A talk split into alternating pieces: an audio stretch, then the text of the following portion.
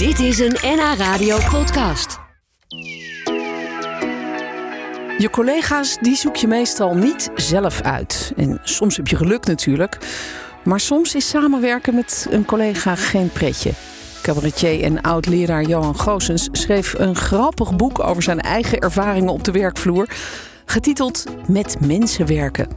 Daar had hij mooi even de tijd voor toen hij noodgedwongen thuis zat, omdat hij door corona niet meer op kon treden in het theater.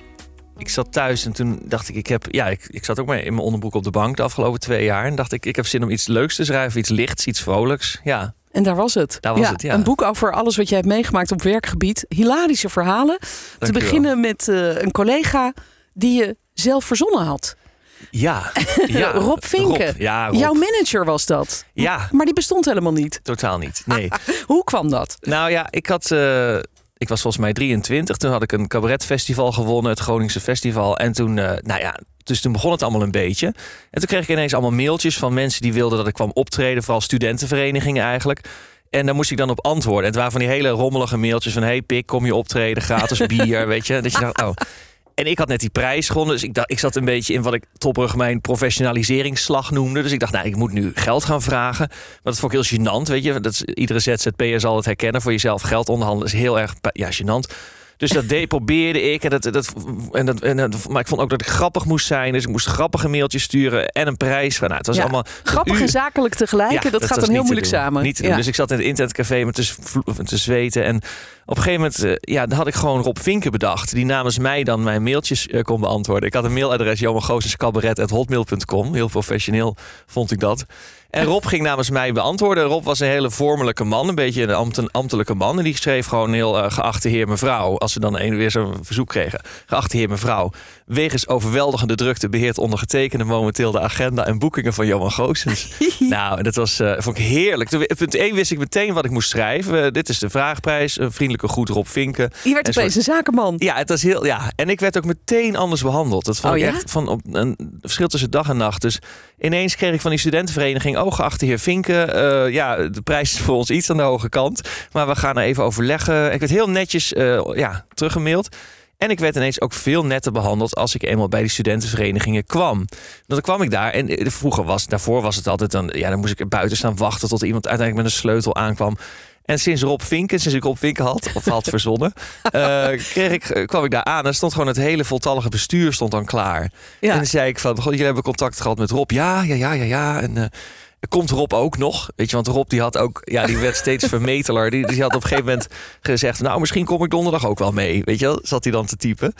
En eh, nou, dus de dag, het is echt, nee, Rob, Rob eh, heeft, eh, lukt het helaas niet vandaag. Nee, Oh, wat hilarisch. Dit was gewoon een verzonnen manager. Ja, En had je ook een heel beeld van Rob? Wie dat dan was? Nou, het, hij zat gewoon in, maar ik kon hem heel makkelijk doen. Ja, het zat gewoon. ik denk het was een soort. Ja, het verhaal heet een hetero van middelbare leeftijd. Een Ja, beetje ja. een ja ambtelijke man. Ik denk met een totaal betegelde achtertuin met alleen een groenbak en een grijsbak. Ik denk zo iemand. er- ja, En hoe kwam die aan zijn einde? Want Nou. uiteindelijk gingen mensen wel vragen van... Goh, we willen Rob wel eens spreken, toch? ja, dat was een beetje. Dat was een beetje moeilijk toen. in- Want Rob kon heel veel dingen heel goed. Hij kon heel goed onderhandelen. Hij gaf geen millimeter mee voor mij. Dat vond ik heel lief. Maar ja, op een gegeven moment zei zo'n meisje van zo'n dispuut. Eh, dat, hij was heel vormelijk. Dus zo'n prijsonderhandeling. Daar gingen zo tien, tien mailtjes overheen. En dan zei zo'n meisje van zo'n dispuut. Joh, god Rob, anders kunnen, zullen we anders niet even bellen? Nou, de eerste keer dat ik... Toen schrok ik me helemaal een hoedje. dacht, oh god, bellen. Ze hebben me door, weet je wel. Ze hebben door dat ik het allemaal verzin. En toen had ik bedacht, nou, Rob zit in het buitenland. Ze zei, helaas, ik zou bellen, prima. Dat was, dit is bijna twintig jaar geleden. Dus toen, ja. toen, toen gold dat nog. Tegenwoordig zou het niet meer kunnen. Maar hij zat in een, eh, ja, een congres in Dubai of in Singapore. Ja, dus niet helaas, eh, bereikbaar. ja, Nee. helaas niet bereikbaar. En zo verdween Rob Vinken uit jouw leven. Maar je hebt wel veel aan hem gehad. Heel erg veel. Ik kan echt iedere ZZP'er aanraden... als je geen zaakwaarnemer hebt, gewoon iemand verzinnen. Ja, perfect werkt dat. Het werkt echt heel goed. Dat is leuk. Hey, de verhalen zijn, zijn ongelooflijk grappig. Ik heb echt hard op zitten schateren. Eh, Ah, maar soms ook schrijnend en heel boosmakend. Zoals het eh, verhaal over jouw onderwijservaring. Je hebt dus eerder al twee boeken daarover geschreven. Hoe het was om voor de klas te staan voor jou. Maar eh, in dit verhaal schrijf je eigenlijk over de asociale bestuurders van een grote onderwijsinstelling. En het is allemaal waar Amarantis. gebeurd. Ja. Amarantis. Noem ze nog even. Je noemt ze nog even lekker bij naam. En Ja. die hebben eigenlijk die hele onderwijsinstelling om zeep Ja, geholpen.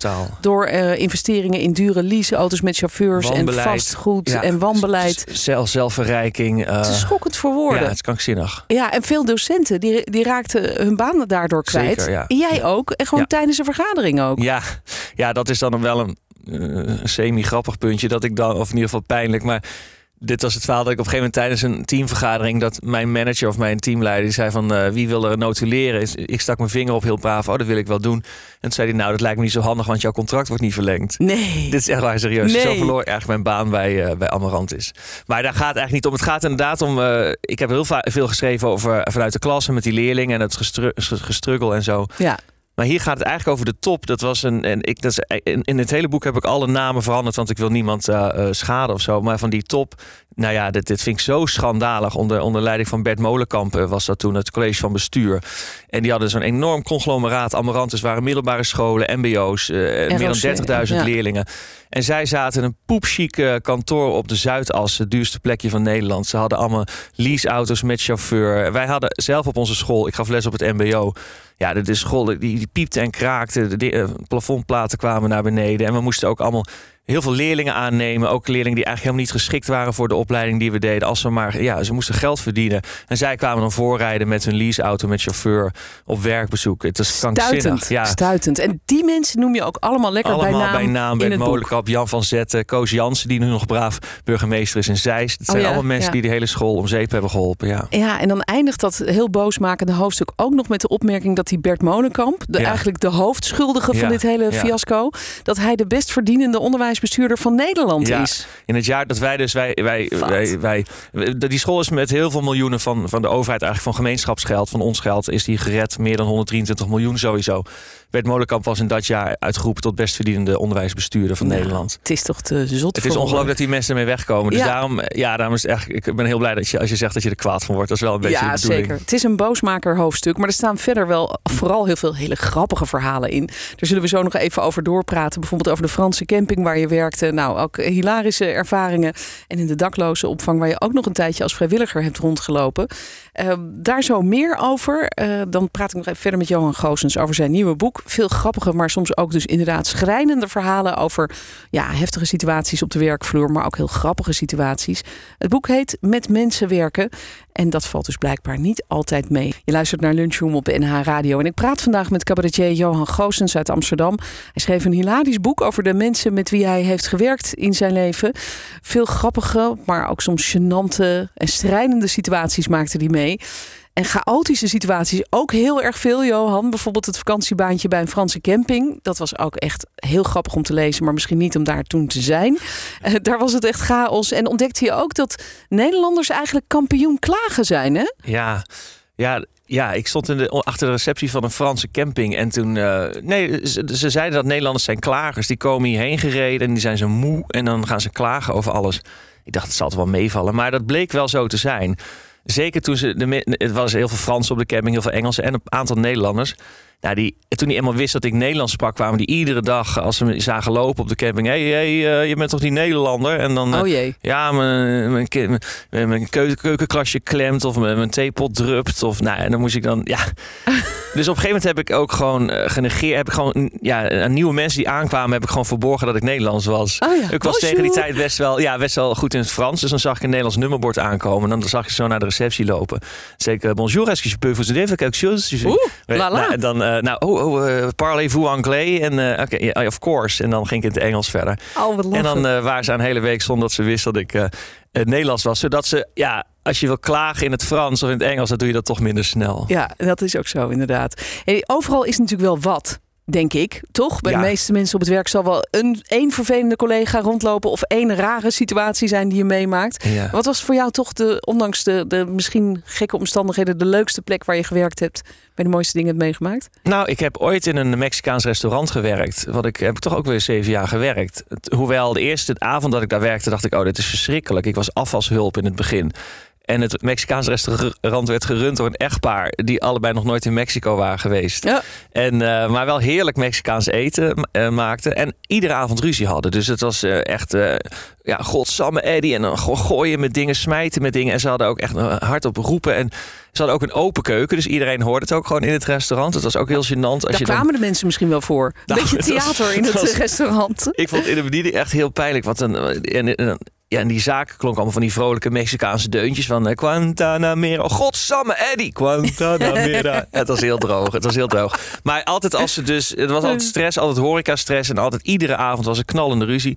Maar zodra de laatste gasten weg waren, uh, ging die, mag die teringherrie uit, zei die, zei die vrouw dan. En dan gingen we zitten naborrelen aan tafel 13 en dat werd eigenlijk altijd heel gezellig. Ja. ja.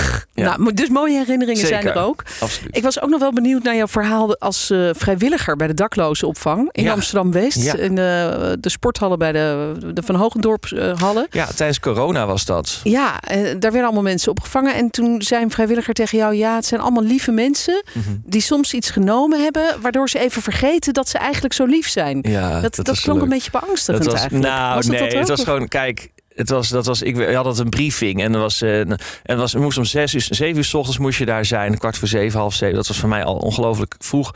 Het was een tijdelijke noodopvang, dus je werd dan ingewerkt als vrijwilliger van, eh, nou, zijn er nog mensen die ingemerkt? Oh, jij bent nieuw? Oké, ik zal het even uitleggen. Nou, er schijnt een virus rond te waren. Ik weet er het fijne niet van, zei die vrouw dan. Maar eh, de overheid heeft gezegd dat iedereen binnen moet blijven, iedereen moet thuis blijven en deze mensen hebben geen thuis. Oh. Dus nou goed, en dan werd je zo ingewerkt. En inderdaad van, jongens even opletten in zaal 2. Daar is een duif naar binnen gevlogen. Als iemand die weet te vangen, heel graag. In een zaal 1 is gisteren een beetje ruzie geweest. Want iemand heeft zijn telefoon, telefoon gejat van iemand. Dus daar zijn mensen een beetje chagrijnig. Let een beetje op. Nou, Oh, dus kreeg je allemaal zo'n briefing. En, eh, of van, ja jongens, eh, eh, ja, Marco is psychotisch. Let daarop. Ik zeg, wie is Marco? Nou, dat merk je vanzelf al als hij binnenkomt. En het was ook zo, ja, waar ik meteen uh, hoorde die geschreeuw bij de ingang, maar op een Oh. soort vrolijke, rare manier van, eh, ja, waarom krijg ik geen complimentjes? Weet je, waar- waarom geven die wijven me geen complimentjes? Ik heb toch een heel mooi huidje, ik heb toch een zacht huidje? Nou, het, was, het had Oh. allemaal iets van, en tragisch. Ja, het was ook heel mooi, ja. Ja, ja. En het, werd, het wende ook. In het begin ben je een soort overweldigd door ja, al die levens die dan ja, toch tot, tot het punt zijn gekomen dat je in zo'n hal ligt op een stretcher. En op een gegeven moment wende het, was het gewoon eigenlijk heel gezellig. Het was ook gewoon een soort, eh, ja, een soort café waar we dan met z'n Ja. allen de uren doorbrachten. Ja. Ja, dit was het begin van de coronatijd. Laten we hopen dat we nu een beetje aan het begin van het einde van de coronatijd eh, zitten. Jij mag in elk geval het theater weer in, hè? Ja, ik Daar ga weer optreden. Ja. Hartstikke leuk. Ik ga Vertel.